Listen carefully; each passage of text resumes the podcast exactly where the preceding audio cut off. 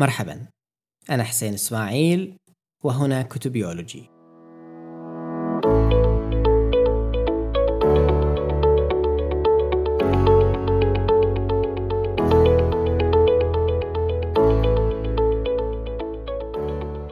أحد أكثر الأسئلة اللي انحديت أفكر فيها بزيادة مؤخرا هو سؤال العلاقة بين الأدب والمعرفة. اتطرقت على الأقل في ثلاث حلقات سابقة لبعض جوانب هالسؤال. زي حلقة خرافة تغيير الكتب لحياتنا وحلقة داخل الرواية خارج الأدب وحلقة الخطاب الذكوري في رواية الحي اللاتيني. بس بطبيعة الحال استمرار التفكير في السؤال يفضي أحيانا للتفكير فيه من زوايا مو بالضرورة كانت متبلورة سابقا. مما يعني أن الأجوبة والآراء تبدأ تخضع لمرحلة جديدة من التمحيص. وهذا اللي ينطبق أيضا على سؤال عنوان الحلقة. إذا هل للرواية قيمة معرفية؟ إيه هذا كل اللي بغيت أقوله في هذه الحلقة وشكرا لاستماعكم.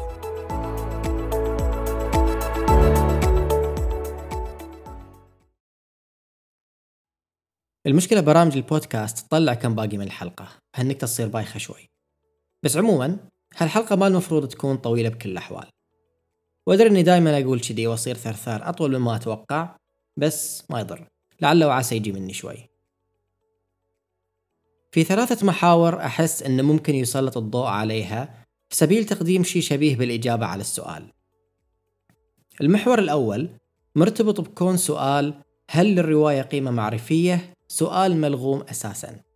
أي أن السؤال يستبطن افتراضات تحتاج إلى تمييز عشان لا نكرس ثنائيات بالية عن المعرفة والخيال والأدب والفكر وغيرها.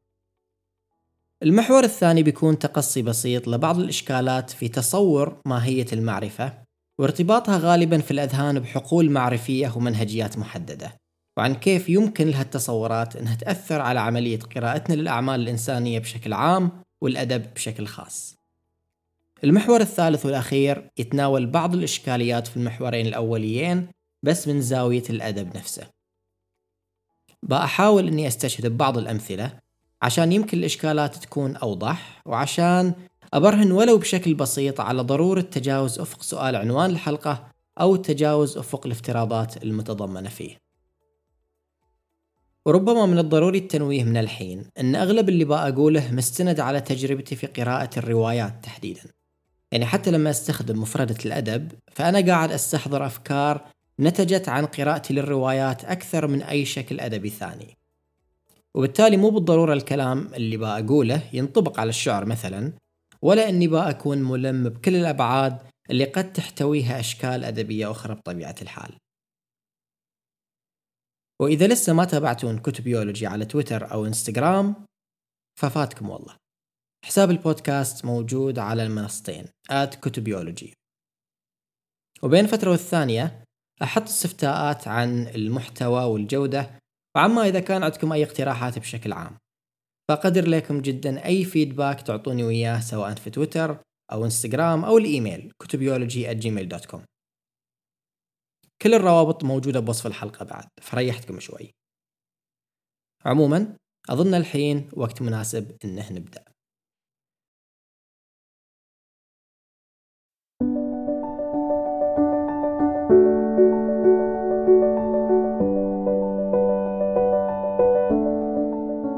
كل الأسئلة تستبطن افتراضات محددة حول المفردات اللي تستخدمها. وتفترض أيضا علاقات محددة بين هذه المفردات. عملية النقد ما تبدأ بمجرد فهم السؤال أو إدراك المفاهيم اللي يطرحها للتساؤل لا. تبدأ أيضا بمساءلة الأسس اللي من خلالها ترتبط المفاهيم ببعضها البعض وتبدأ بمحاولة ترسيم بعض الحدود المبدئية لنطاق هذه المفاهيم. وبالتالي لما نطرح سؤال هل للرواية قيمة معرفية؟ فإحنا أولا قاعدين نفترض ما هي مسبقة لمفاهيم الرواية والقيمة والمعرفة ونفترض أيضا أن المعرفة تمتلك منزلة سامية بحيث الشيء اللي يفتقر للمعرفة يكون ناقص أو سلبي إن صح التعبير كما أن السؤال يختزل أساسا الرواية والمعرفة ويضرب بعرض الجدار كل التعقيدات حول المفهومين فيها رمية ضمنية بالسؤال وفيه ربط لفضاء الأدب وفضاء المعرفة بطريقة تغلب الجانب المعرفي على الجانب الأدبي. بأجل التساؤلات حول المعرفة للمحور الثاني من الحلقة وبركز هني على المفردتين الأوليتين القيمة والرواية. والتساؤل الأول بطبيعة الحال بيكون مرتبط بافتراض أن القيمة كامنة في الشيء بحد ذاته. لأي درجة ممكن قيمة الشيء تعتمد على تصورات محددة أساسا ببالنا عن اللي يحدد هالقيمة. ربما في الحياة اللي نعيشها اليوم تعودنا أن القيمة تبدو في كثير من الأحيان شيء مادي أو ملموس سواء من ناحية الانتفاع بالشيء أو من ناحية تملكه. وبالتالي الشيء اللي سعره غالي يكون تلقائيا قيم أو الشيء اللي ممكن نستفيد منه ماديا في المستقبل يكون هو الآخر قيم. ووسط كل هذه التصورات فيه نزعة أحيانا لتناسي أن القيمة مو مقتصرة على البعد المادي البحت. في أشياء مادية وغير مادية يكون الارتباط بها معنوي وشاعري. وهذا يعني أن قيمتها بالنسبة إلينا ما تكون مبنية على معيار خارجي يمكن للآخرين أنهم يتشاركون ويانا فيه. أو حتى لو تشاركوا ويانا في جزء منه لا يعني ذلك أنهم بيتشاركون ويانا فيه كامل. يعني قيمة هذه الأمور ما تنقاس بسعرها ولا بجودتها ولا بأي بعد خارجي آخر. ممكن يكون موسيقى أو أغنية سمعناها في وقت مناسب أو كتاب كان جزء من فترة تحول بحياتنا أو شيء خلينا نستحضر ذكريات بهيجة أو حتى هدايا قيمتها مثلا في اللي أهداها ويانا أو في اللي أهدانا وياها. دائما ألخبط. المهم. وبالتالي إن افتراض أن كون القيمة كامنة بالشيء نفسه افتراض مخل. وهالافتراض يتناول طرف واحد من العلاقة ويغفل الباقي. عشان يكون فيه أي قيمة لازم يكون فيه هناك بشر قادرين على أنهم يدركون هالقيمة. أو بشر خلينا نقول أنهم يكتنزون هالقيمة بشكل أو بآخر.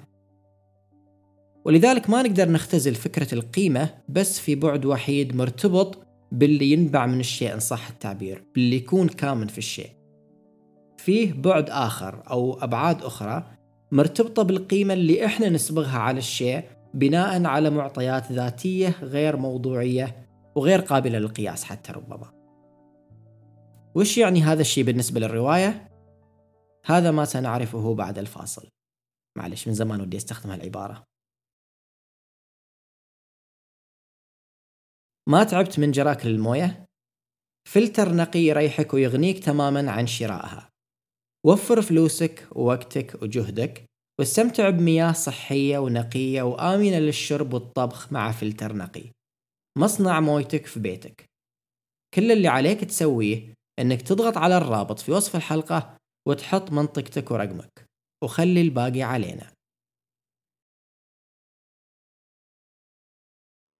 كل هذه الهدرة عن القيمة أهدف من وراءها لتسليط الضوء على نقطتين في علاقة القيمة بالرواية. أولا من قال إن إحنا كلنا نبحث عن الشيء نفسه لما نقرأ الرواية أساسا؟ يعني من اللي قرر أن المفروض القيمة أو القيم اللي نجنيها من قراءة العمل الروائي شيء مقولب سابقا صحيح أن سؤال عنوان الحلقة يحدد هذه القيمة بالمعرفة وبأتكلم عن الموضوع بعد شوي بس السؤال لسه مشروع فيها. من قال أن حتى المعرفة بتكون معرفة واحدة؟ فلو قلت أني أقرأ الرواية للمتعة مثلا من قال أني بأستمتع بنفس الأمور اللي بيستمتع بها شخص آخر؟ إذا قلت أني أقرأها لقيمتها اللغوية من قال أني لازم أقصد نفس الجوانب اللي شخص آخر ممكن يعتبرها قيمة؟ إلى آخره طبعا. حتى لو عرفنا مسبقا وش القيمة اللي إحنا نقرأ العمل عشانها أو وش اللي نسعى لإيجاده في العمل فمو بالضرورة تفاعلنا ويا هذه القيمة بيكون بالطريقة نفسها. ولذلك حتى لو قلنا نبغى قيمة معرفية مو لازم أن المعرفة هذه بتكون وحدة. أما النقطة الثانية في علاقة القيمة بالرواية فهي تبني على الأولى. من قال أن مطلوب من الرواية تقدم لنا قيمة أساسا؟ ليش المفروض العمل الأدبي يعطينا قيمة معينة؟ وأركز هني على كلمة يعطينا ولازم أفرق بين التلقي والاستقراء أو الاستنطاق. أعني بالتلقي العملية غير الفاعلة اللي تنتظر من العمل أنه يزود القارئ بأمور معينة. ما ودي أقول أن عملية التلقي مرتبطة بالقارئ الكسول بس القارئ المكتفي بالتلقي هو غالبا القارئ اللي يعتبر التساؤل عن القيمة المعرفية بالرواية سؤال مشروع بدون أي إشكالات. وهو نفس القارئ اللي يبحث عن المعرفة المقدمة له بينها معرفة أساسا. يعني الرواية تحدد الجانب المعرفي وتعطيها هذا القارئ ومن ثم هذا القارئ يقول أنا الحين يعني استفدت معرفيا من هذه الرواية. ولذلك الروايات التاريخية مثلا تكون مقدسة بالنسبة لها القارئ لأنها تعطيه معلومات ويعني في النهاية قاعدة تعطيه معرفة قاعدة تعطيه حشو تواريخ شخصيات أحداث رموز وغيرها. بس المهم هذا استطراد. أحس عندي مشكلة شخصية ويا هالنوعية هي نوعية المتلقين هذيلا. وما أظن أقدر أتفصل في الموضوع زيادة بدون ما يتسمى هذا الشيء فوقية بشكل أو بآخر. بس بالطقاق خلني أكون فوقي شوي. ومن تماما أن أي شخص يمارس أي هواية بالحياة بيوصل يوم من الأيام لمرحلة يبدأ فيها يتساءل عن الطريقة اللي يمارس بها الهواية بحد ذاتها. يعني أنه يبدأ يتجاوز الممارسة المباشرة إلى تطوير الممارسة نفسها إلى التساؤل عن المنهجية اللي يقولب فيها ممارسته. والقراءة ما هي مستثناة من هذا الموضوع. المفترض أن القارئ بعد انطلاقه في القراءة وبعد ما يعني يكون خلنا نقول ما أبغى اسميها ذائقته بس إنما يقدر خلنا نقول يكون ارتباط بينه وبين مثلا أنواع نصوص محددة أو أفكار محددة وإلا غيره. المفروض يبدأ يقاربها بطريقة مختلفة. ويبدأ إنه ما يخضع للكتاب أو الكاتب أو الأطروحات بمجرد إنها تكون محطوطة له بين دفتي كتاب. ولذلك لما أقول القارئ المتلقي فأنا أقصد هالنمط هذا تحديدا. القارئ المقتصر على التلقي واستمرار التلقي بدون إعمال أي نقد على هذه الآليتين. يعني يكون فيه تغليب لجانب الشيء اللي قاعد يقدمه الكتاب. يعني تركيز القارئ المتلقي يكون على سؤال ماذا؟ على سؤال وشو؟ بحيث لو أحد يسأل القارئ عن وشو هذا الكتاب بيقدر يجاوب عليه. يعني خلنا نقول نطاق هذا الجواب هو النطاق اللي هو يسعى إليه أثناء قراءته ولكن سؤال ماذا أو سؤال وشو ما هو السؤال الوحيد اللي يمكن أن إحنا نطرحه؟ في أسئلة ليش؟ ليش نقال هذا الشيء؟ ومن اللي قاله؟ ولمن قاله؟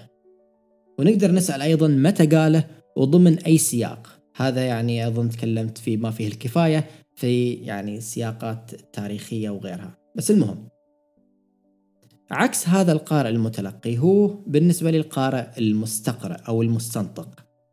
وهذا القارئ المستقرئ ما هو نوع ولا نمط محدد. أي قارئ ما يكتفي بمجرد التلقي ويحاول دوما مساءلة العمل بشكل أو بآخر ممكن أنه يندرج تحت تعريف القارئ المستقرئ. والقارئ هني ما بينتظر الرواية مثلا تزوده بالقيم بل هو بيبحث عنها وبيبحث عنها ضمن مجال خلق التساؤلات اللي هو يقوم فيه. واللي مو بالضرورة يتطابق ويا أسئلة العمل الروائي. قد يتطرق العمل الروائي إلى ثيمات محددة لكن هذا القارئ أثناء عملية استقراءه مو بالضرورة يعني يكون نطاقه الآخر متطابق إلى نطاق العمل. أحس إن قاعد أستطرد بزيادة. عموما أحس أنه الفكرة بتكون أوضح. القراءة بالنسبة لهذا القارئ يعني هي عملية تفاعل عملية نقد مستمر. إذا كان بيجني شيء من قراءته للرواية فجنيه يكون مرتبط بهمومه وتطلعاته. مو بشي تقدمه له الرواية على طبق من ذهب عشان يتلقاه بأريحية. وطبعا هذا الكلام كله أفترض فيه أن الرواية شي متفق عليه أصلا. أو يعني أفترض فيه أنه نوع أو شكل الرواية ضمن كل هذا النقاش شيء متفق عليه واضح لنا جميعا. لكن فعليا هذا الافتراض باطل هو الآخر. عن أي رواية قاعدين نتكلم؟ عن الرواية الواقعية عن رواية الأفكار عن الرواية التاريخية عن روايات الخيال العلمي والفانتازيا ولا روايات السيرة الذاتية. وطبعا هذا التساؤل عن نوع الرواية سؤال ما منه مفر لأنه نوع المعرفة أساسا ممكن أن يختلف جذريا باختلاف النوع اللي قاعدين نقاربه. وياما صادفت ناس مثلا ينظرون لروايات الخيال العلمي والفانتازيا أساسا إنهم روايات مستوى ثاني وإنها ما هي أعمال أدبية حقيقية عشان تندرج ضمن سؤال العنوان. وياما أيضا صادفت ناس زيي ينظرون بدونية للروايات التاريخية لسبب أو لآخر. فالقصد إنه ما نقدر نتكلم عن سؤال القيمة في الرواية بدون ما نستحضر أيضا إشكالات الرواية اللي قاعدين نتكلم عنها. في فرق بين إن نتكلم عن الرواية ونقصد به الشكل الأدبي المتعارف عليه على إنه رواية وبين أن نتكلم عن قيمة معرفية في شكل محدد من الروايات. لما نتكلم عن القيمة المعرفية نطلع من حيز التعريف التوصيفي إلى تعريف تحديدي وإقصائي. سؤال القيمة يستحضر النقاش بالضرورة أبعاد ما نقدر نتناولها ضمن التعريف التوصيفي العام. هذين الإشكالين مرتبطين بالعلاقة بين القيمة بشكل عام والرواية. حاولت أتجنب تحديد السؤال بالمعرفة لأن إشكالات المعرفة أكبر بكثير من ذلك. لكن الحين أظن من الصعب الاستمرار بدون تحديد النقاش أكثر. ولذلك بأنتقل الحين لإشكالات مفهوم المعرفة في سؤال هل للرواية قيمة معرفية بعد هذا الفاصل؟ قبل سنوات من الحين كان تسويق بودكاست الأفراد مبني على اجتهادات فردية. وهالجهود يا تصيب يا ما تجيب نتائج الحين قدامك حلول مجربة. تخلي البودكاست الخاص فيك يصير منتج مستدام. مثل خدمة الإعلانات والمبادرات الدورية مع مجتمع صناع المحتوى. وبنقدم لكل برنامج مساحة ترويج على نشرات محتوايز البريدية ومنصات التواصل الاجتماعي. تعاون معنا في محتوايز أكبر شركة ومنتج للبودكاست بالشرق الأوسط. واللي تتضمن أكثر من 76 بودكاست محلي وعربي. رابط التعاون في وصف الحلقة. تكلمت قبل شوي عن القيمة والرواية وحاولت أسولف فيهم من منظور عام بدون ما أركز على ارتباطهم بالمعرفة أو بدون ما أركز على إشكالات مفهوم المعرفة المتبنى في سؤال هل الرواية قيمة معرفية؟ بس الحين صار لازم أن يتم تحديد النقاش بشكل أكبر عشان يكون النقاش واضح. وهالمحور بيكون طويل شوي فتحملوني. في نقطتين أحس أن لازم يتسلط عليهم الضوء وثنتين هم مرتبطين ببعض. النقطة الأولى متعلقة باللي بأسميه نموذج المعرفة اللي يمايز بين الذات والموضوع واللي يخلي البحث عن المعرفة الظاهرة شيء مشروع. بشكل عام ضمن هالنموذج تكون المعرفة موضوعية. يعني يكون التصور عن المعرفة بأنها شيء موضوعي بأنها مستقلة عن الذات أنها موجودة خارجنا إحنا. وبالتالي فإن عملية تحصيل المعرفة تكون عبارة عن تحصيل لمعارف موجودة باستقلال عنا لمعارف يتم تحصيلها واستقبالها وتلقيها. هذا النموذج متغلغل بشكل كبير في اللي يسمى المنهجية العلمية وفي اللي يتعلق بالعلوم الطبيعية تحديدا. لأن موضوع البحث عادة يكون مصاغ بما هو خارج اللي يشكل الذات بأي معنى من معانيها. يعني لما يقولون أن المنهج العلمي يبدأ بالملاحظة ومن ثم تكوين الفرضية واختبارها إلى آخره فالنموذج المتضمن في كل هذه الخطوات هو أن موضوع البحث أو التقصي العلمي موضوع مستقل عن ذواتنا. لما نلاحظ فيعتبرون أن نقطة الصفر هي الجهل. إحنا قاعدين نلاحظ أمور منفصلة عنا بدون أي تصورات مسبقة وغيرها وبالتالي فإن تحصيل المعرفة عن موضوع البحث هذا يكون علاقة أحادية الاتجاه. هو ينطلق من ذات إلى موضوع أو موضوع إلى ذات. وهالشي شبيه بسالفة التلقي اللي قلتها قبل شوي بس هالمرة من زاوية ثانية.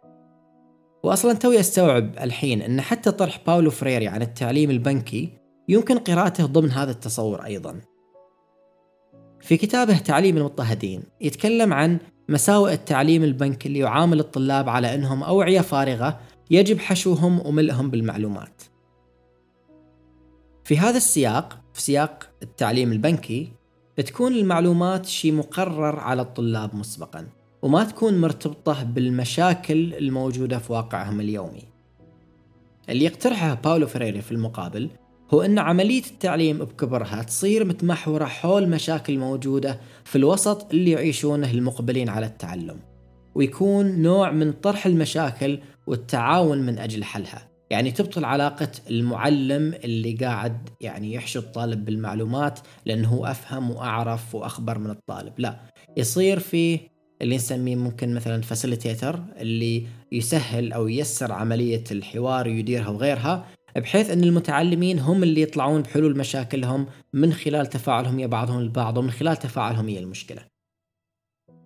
فهذا الحل أو طريقة الحل هذه تخلي المتعلمين ينقدون حدود المشكلة وجذورها وأسبابها وغيرها وبالتالي يحاولون أنهم يتجاوزوها ضمن عملية تفاعلية بشكل كامل. عموما هذا الترابط بين نموذج المعرفة والمنهج العلمي ترابط يكون له تبعات خطيرة شوي. في العلوم الطبيعية الممايزة بين الذات والموضوع مقبولة لأسباب عديدة والمجال ما يسعى لتناولها في هذه الحلقة بحكم ارتباطها بأبعاد ثانية خارجة عن الثيمة الأساسية لكن هل نقدر نقول أن الممايزة بين الذات والموضوع مقبولة في الإنسانيات أو العلوم الاجتماعية؟ بعبارة أخرى هل نقدر نقول أن الموضوع اللي تبحثه هذه الحقول المعرفية مستقل فعلا عن الذات أو الذوات؟ الجواب هو طبعا لا أو لا طبعا ما أدري وش الأنسب المهم الموضوع المزعوم في أي من العلوم الاجتماعية أو الإنسانيات ما هو مستقل أساسا عن الذات بحيث نقدر نصيغ إطار البحث فيه كما لو كان إطار علمي موضوعي.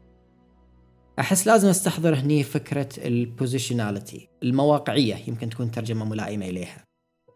باختصار المواقعية هي الفكرة القائلة بأن موقع الفرد ضمن المنظومات والقوى الحياتية المختلفة تشكل الأسس اللي ينطلق منها في تعريف موضوع بحثه وفي صياغة ماهيته والارتباط بينهم.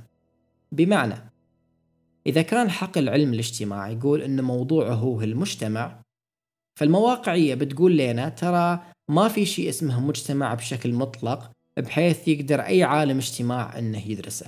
لا عالم الاجتماع أساسا متأثر بمواقعيته في فهم وشو هذا المجتمع وفهم كل شيء مرتبط فيه. بل عالم الاجتماع يكون متأثر في مواقعيته حتى في تحديد ماهية البعد الاجتماعي في قبال الأبعاد الأخرى. يعني في علاقة البعد الاجتماعي بالبعد السياسي والاقتصادي وغيرها من التقسيمات اللي قد تكون قائمة في بعض الحقول المعرفية. وهذا الشيء ينطبق على كل الحقول الأخرى طبعا.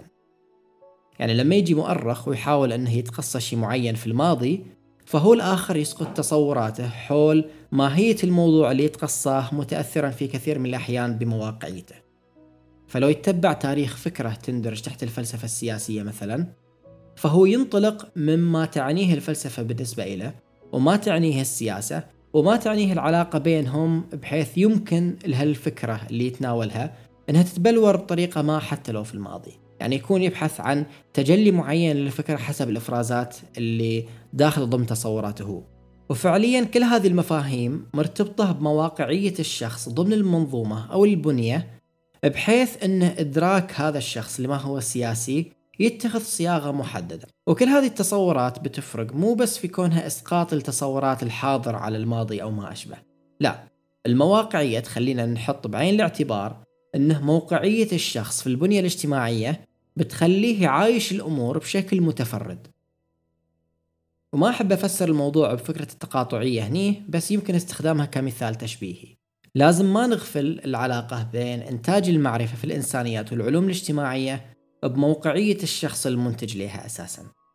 وبالتالي ما نقدر نتناول أي معرفة في هذه الحقول بدون ما نتساءل عمن أنتجها وموقعيته بالنسبة لموضوع التقصي المزعوم حتى.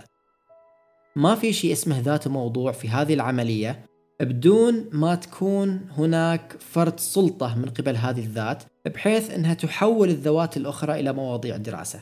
حالها نظريا حال الأرض في الجيولوجيا أو الطبيعة في العلوم الطبيعية بشكل عام. يعني لما يروح الأنثروبولوجي مثلا إلى مجتمع محدد ويدرسه فهو فعليا قاعد يخلي هذا المجتمع يبدو كما لو أنه موضوعي. وهذا مرتبط بالعديد من إشكالات السلطة اللي ما يتسع عليها المجال هنا لكن أحس أني قاعد أستطرد أكثر من اللي أبغاه. إن شاء الله تكون الفكرة وضحت لأن هذا يعني كل اللي أبغى أقوله فيما يتعلق بالنموذج المعرفي واستحالة ثنائية الذات الموضوع. باقي أعرج بشكل سريع على كل ما يعنيه هذا الكلام السابق في العلاقة بين المعرفة والرواية قبل الانتقال للمحور الثالث.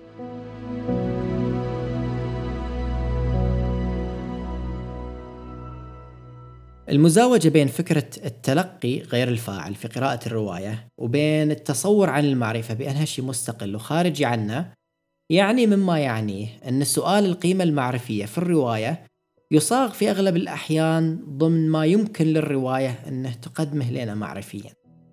وزي ما ذكرت هالشي يتراوح بين معلومات تاريخية أو تأملات فلسفية أو تعرف على ثقافات أخرى حتى وغيرها من هالأمور. يعني يكون الشي مرتبط بمعرفة موضوعية مقولبة لنا بشكل أو بآخر بأنها معرفة. وبالتالي سؤال القيمة المعرفية في الرواية يكون مشروع من هذه الناحية لأن الرواية ينظر إليها على أنها شيء ممكن أنه يعطينا ويزودنا بشيء. لكن الحقيقة أن هذا اختزال مجحف وفرض لتصور وحيد عن المعرفة بما يلغي بقية التصورات. أزعم أن الرواية والأدب عموما قادرين على الإثراء المعرفي قادرين على أنهم يخلون القارئ أعرف. لكن هذا الزعم مو مبني على نفس تصور المعرفة الموجود في سؤال القيمة المعرفية. يعني ما هو مبني على نفس الفكرة عن المعرفة من البداية. لا ولا هو ينطلق من فكرة أن المعارف سامية وأن الأدب ثانوي أو غيره من هذه التصورات. ارتباط المعرفة بالرواية ارتباط منظوري. بمعنى أن المعرفة متمحورة حول المواقعية اللي سبق وتكلمت عنها قبل شوي. يمكن للقارئ الفاعل أو القارئ المستقرئ أنه يموقع نفسه بما يتجاوز أطره المألوفة من أجل فهم ما ينطوي عليه النص بشكل مباشر أو غير مباشر. وهذا بالنسبة لأحد الأسباب الرئيسية اللي تخليني أقرأ روايات بشكل عام. العالم المتضمن بالرواية قد يكون غير مألوف بالنسبة إلي لدرجة أني أبدي أراجع المناظير المألوفة عندي. المواقعية اللي ينخلق من خلالها السرد الروائي قد تكون مختلفة بشكل كبير جدا بما يجبرني على أني أسائل نفسي وأسائل النص في كل صفحة. وما أتكلم هني بس عن التجارب اللي ما عشتها. يعني ما أتكلم مثلا عن تجربة سجين أو تجربة جندي في الحرب في الروايات اللي قاعد أقراها. أتكلم حتى عن منظور مغاير لواقعي أنا عن عمل روائي يكتب عن تجربة حياتية تحدث في محيط أو سياق ربما أعيشها أنا بس إنها تشوف هذه التجربة من منظور مختلف بحكم المواقعية المختلفة. أشرت في الحلقة السابقة لفكرة شبيهة جدا بهذه النقطة لما قارنت بين رواية مزرعة الحيوان لجورج أورويل وبين عتمة في الظهيرة لآرثر كويتسلر. كلتا الروايتين مكتوبين بنفس الحقبة. وبينهم أفكار وثيمات متشابهة عن الاتحاد السوفيتي وسياسات الحزب الحاكم وغيرها. لكن اللي بقى أسميه عمق التجربة في الروايتين مختلف تماما.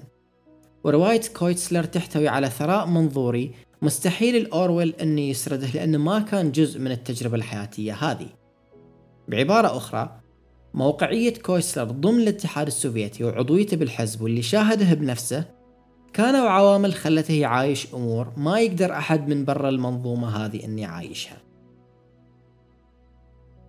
ومثل هذه الروايات تمكن القارئ من أنه يتقمص منظور مغاير عن منظوره المعتاد وتخليه يعيد مساءلة الطريقة اللي ينظر بها للأمور والآليات اللي ينظر بها لتعقد الحياة من حوله. هذا الانزياح في المنظور يمكن الفرد من ملاحظة أمور ما كان بالضرورة يلاحظها أو من رسم العلاقات بطريقة جديدة بالنسبة له حتى في أمور ومعلومات كانت متحصلة أو متأتاة له مسبقا. ونقدر نسميه انزياح باراديمي على غرار توماس كون أيضا لكن أفضل مفردة منظور لأني أحس أنها أكثر ارتباطا بنا إحنا كأفراد على عكس بارادايم اللي أحس أن لها مضامين مؤسساتية أكثر بشكل أو بآخر. ولكن كل هذا يتطلب من القارئ أنه يجبر نفسه على رفض تلقي معاني العمل الروائي بدون فاعلية. وأن يحاول جاهدا أنه ما يسقط معانيه الخاصة فيأطر النص أو يأطر معاني النص باللي يلغي كل الاحتمالات الأخرى اللي قد تحتويه هذا الشيء ما هو أحادي الاتجاه. يعني ما هو شيء يكون مصدره القارئ وتتلقاه الرواية ولا شيء يصدر من الرواية ويتلقاه القارئ. هو شي ناتج عن تفاعل بين الاثنين. هذا اللي وصلنا للمحور الثالث والأخير محور استنطاق الأدب. بعد هذا الفاصل.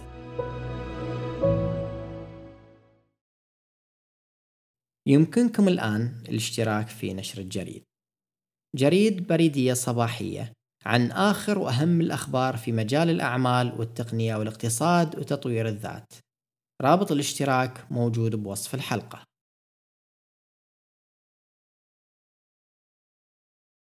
المحور الأخير اللي لابد أنه يؤخذ بعين الاعتبار في معرض الحديث عن العلاقة بين المعرفة والرواية هو محور يتغلغل أصلا كل الهدرة السابقة. بس حسيت أنه من الأفضل أن تفرد له دقائقه الخاصة عشان لا أبخسه حقه. بأسمي الفكرة العامة اللي بأتناولها هني باستنطاق الأدب مع أنها تحديدا بتكون عن الرواية في هذا السياق. في فكرة أظن أني قرأتها بالتعبير اللي بأستخدمه عند آرثر ميلتسر في كتاب فلسفة ما بين السطور. وهي صياغة لطيفة جدا لفكرة بديهية. يورد ميلتسر هذه الفكرة في سياق الممايزة بين كتب الفلسفة قبل القرن الثامن عشر أظن أو القرن السابع عشر ما أتذكر الحين وبين كتب الفلسفة بعد هذا القرن. القرن الثامن عشر عند ميلتزر هو نقطة تحول في شكل الخطاب الفلسفي عطفا على التغيرات الاجتماعية والسياسية وغيرها في ذاك الوقت واللي كانت موجودة أو اللي كانت يعني تحدث في غرب أوروبا بشكل رئيسي. باختصار يقول ميلتسر أن صار فيه إعلاء من شأن الخطاب الفلسفي البرهاني المباشر لما بدت الظروف تكون سانحة إلى حرية التعبير ولما بدت الفلسفة تكتسب الطابع المؤسساتي أو لما بدأت تصير ضمن حزمة المعارف اللي تهدف إلى إدارة المجتمع بشكل أو بآخر. يعني لما صار للفلسفة بعد وظيفي إن صح التعبير. لما صارت مهمتها أنها تكون مفهومة على نطاق واسع بترافق مع تكون المجتمعات ضمن الدول الحديثة وغيرها. فالفكرة اللي يقولها ميلتسر وأبغى أستشهد بها هني هي الفرق بالنسبة إلى في كيفية تعامل الفلاسفة مع النصوص الفلسفية حقهم أو تعامل قراء النصوص الفلسفية مع هذه النصوص.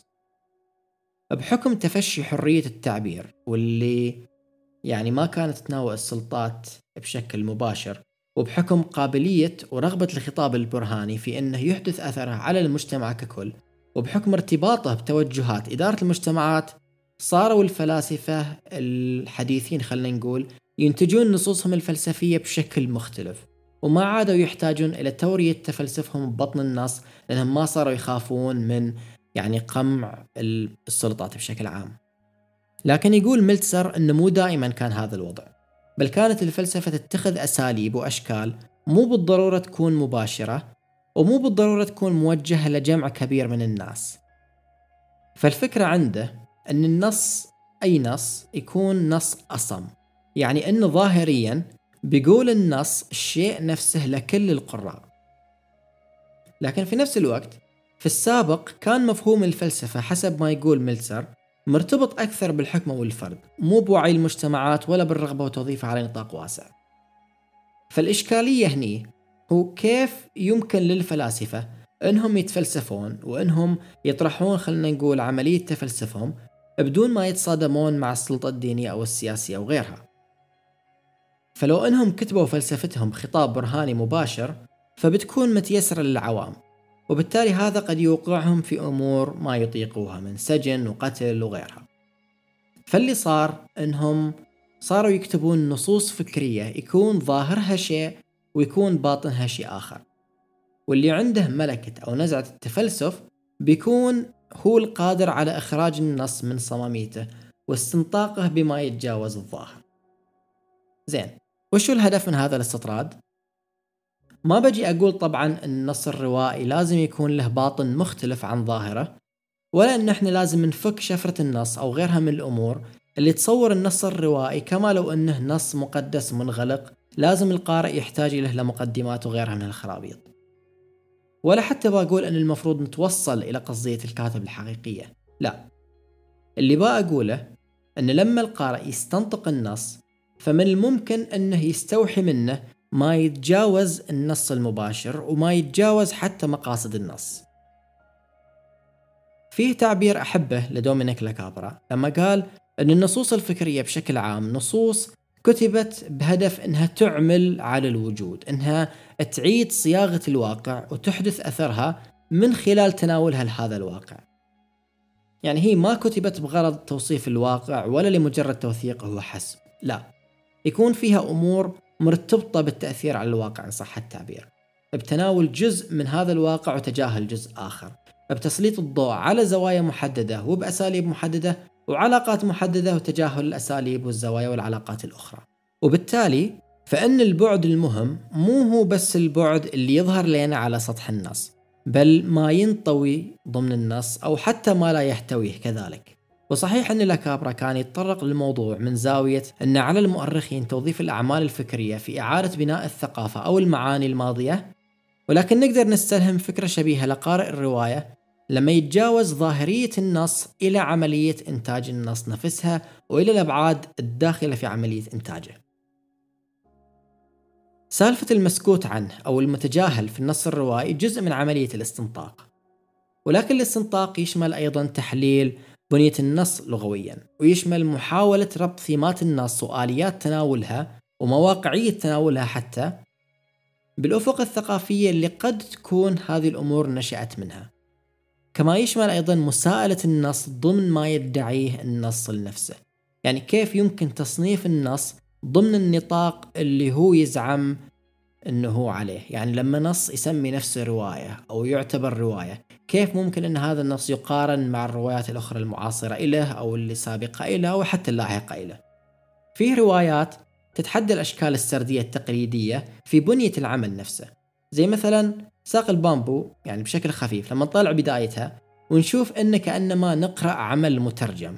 يعني هذه الإشكالية أو هذا يعني الطريقة أو هذه المقاربة تخلينا نتعامل أي نص داخل النص بشكل مختلف تماما عن روايات أخرى يكون فيها من البداية خلينا نقول سارد وحيد. وفيه روايات زي نار شاحبة لنابوكوف اللي تتكون من نص شعري لشاعر خيالي ونص آخر فيه شرح وتعليق على هذا النص الشعري من قبل شخصية خيالية أخرى وفي أعمال زي The Color Purple اللي ترجمت أظن إلى اللون الأرجواني بترجمة عفسة العمل الأصلي فما بقى حتى أقول وشو هي هذه الترجمة. المهم أن الرواية تتكون من رسائل كتبتها أغلبيتها سيلي الفقيرة وغير المتعلمة. فكم نقطة انطلاق يمكن لنا أنه نبدأها من الرواية ونستقرأ من خلالها ما يتجاوز النص المباشر مثلا لما نتكلم حول العرقية والتعليم والجنوب الأمريكي ووضع المرأة السوداء في ذاك الوقت وغيرها. ومجددا أقول استنطاق النص لا يعني إن إحنا نتعامل ويا النص بدون اعتبارية إلى نصيته ولا يعني إن إحنا نتجاهل تماما ما يحتويه النص من ثيمات وغيرها. ما قاعد أقول أن استنطاق النص يهدف إلى فرض سلطة تفسيرية أو تقريرية على العمل لا. اللي أقوله أن لازم الرواية تشكل نقطة انطلاق يستنطق من خلالها القارئ أبعاد تعيد للرواية بعدها الثقافي بحيث أنها تمكننا من فهم النسيج اللي تنتمي إليه ضمن معانيها وأفقها هي. وهذا اللي مكننا في الوقت نفسه من وضعها في سياقات أخرى. الحلقة اللي كانت عن رواية الحي اللاتيني والخطاب الذكوري كانت محاولة لاستنطاق العمل فيما يتعلق بتغلغل المنظور الذكوري المشيء للمرأة خلال السرد ككل. فلما كنت أقول أن سهيل إدريسي يكرس خطاب ذكوري في الرواية فما كنت أقول أنه قصدا قاعد يكرس هذا ال... يعني هذا الخطاب بل إنما استخدامه لمفرداته والطريقة اللي يوصف بها النساء في الرواية تشير إلى هذا التكريس تشير إلى منظومة قد لا تكون أساسا قصدية في العمل. وحتى رواية الغوريلا الكمال الرياحي واللي قرأتها مؤخرا أشوف أنها تكرر نفس الخطاب بل ربما هالمرة على مستوى أوضح لأن الوصف الجنسي أو الوصف الجنسي الأنثوي تحديدا يتعدى الشخصيات النساء ويوصف حتى الطبيعة والسماء بأوصاف جنسية بحتة. وقراءة الحارس في حقل الشوفان مثلا والمكتوبة بعد الحرب العالمية الثانية في قبال رواية هذا الجانب من الجنة لفيتسجيرالد واللي كتبت قبل وبعد الحرب العالمية الأولى يخلونا نلاحظ ثيمات تتجاوز كل نص بحد ذاته. يعني إحنا ناخذ هذه الأعمال ونقارنها ونشوفها كيف إنها ممكن ترتبط في بعضها. وكل واحد مو بالضرورة يعني يحاول إنه يحتوي هذه النصوص الأخرى ولا إنه بالضرورة يكون آه، أو يعني يضع نفسه ضمن هذه السلسلة. بل إنما هو شيء يتم عن تفاعلنا إحنا وعن اللي إحنا نستجلب أيضا للنصوص بقدر ما إنه ينبع من النصوص نفسها. ولهذا أنا مو قاعد أتكلم عن استنطاق العمل الأدبي كما لو إنه شيء ما تسويه إلا صفوة القراء أو نخبتهم. ولا إنه شيء يتطلب أدوات نقدية وغيرها من الخرابيط اللي يحبون المثقفين يرددوها. أتكلم عن تجاوز أفق النص وتجاوز انغلاقيته باتجاه قراءات أكثر اتساعا. باتجاه قراءات تخضع أبعاد العمل لتساؤلات ما تندرج بالضرورة ضمن المعرفة المقولبة مسبقا في النص. وهذه بطبيعة الحال جزء من مهمة القارئ أثناء القراءة. لما نتكلم عن قيمة معرفية في الرواية فمو لازم إن إحنا نختزلها في الجانب المعرفي اللي تقدمه لنا الرواية بوصفه المعرفي، مو لازم نتكلم عن حادثة تاريخية وعن الشخوص التاريخية وعن سير أحداث معين ولا حتى عن نمط الحياة الاجتماعي في فترة من الحقب ولا غيرها. لا، هذه المعرفية مرتبطة بالتفاعل بين القارئ وبين المواقعية اللي أنتج النص من ضمنها. يعني كيف نحط هذا النص في قبال أعمال أخرى ضمن حقبته التاريخية أو ضمن السياق الاجتماعي أو ضمن حتى الطبقة اللي ينتمي إليها الكاتب في قبال الطبقات الأخرى. وش علاقة الثيمات اللي يتناولها بالواقع اللي كان يعيشه؟ الواقع اللي كان يعني ممكن يقول على نطاق أكبر أو على نطاق ضيق أو ربما يكون مرتبط بشخصه. كل هذه الأمور لازم إنها تكون جزء من اللي يقبل به القارئ على النص متجاوزة ما يقدمه النص بشكل واضح. والله طولت فعلا. أكتفي بهذا القدر. هذا كل اللي بغيت أقوله في هذه الحلقة وشكرا لاستماعكم. هالمرة صدق طفوا الحلقة خلاص.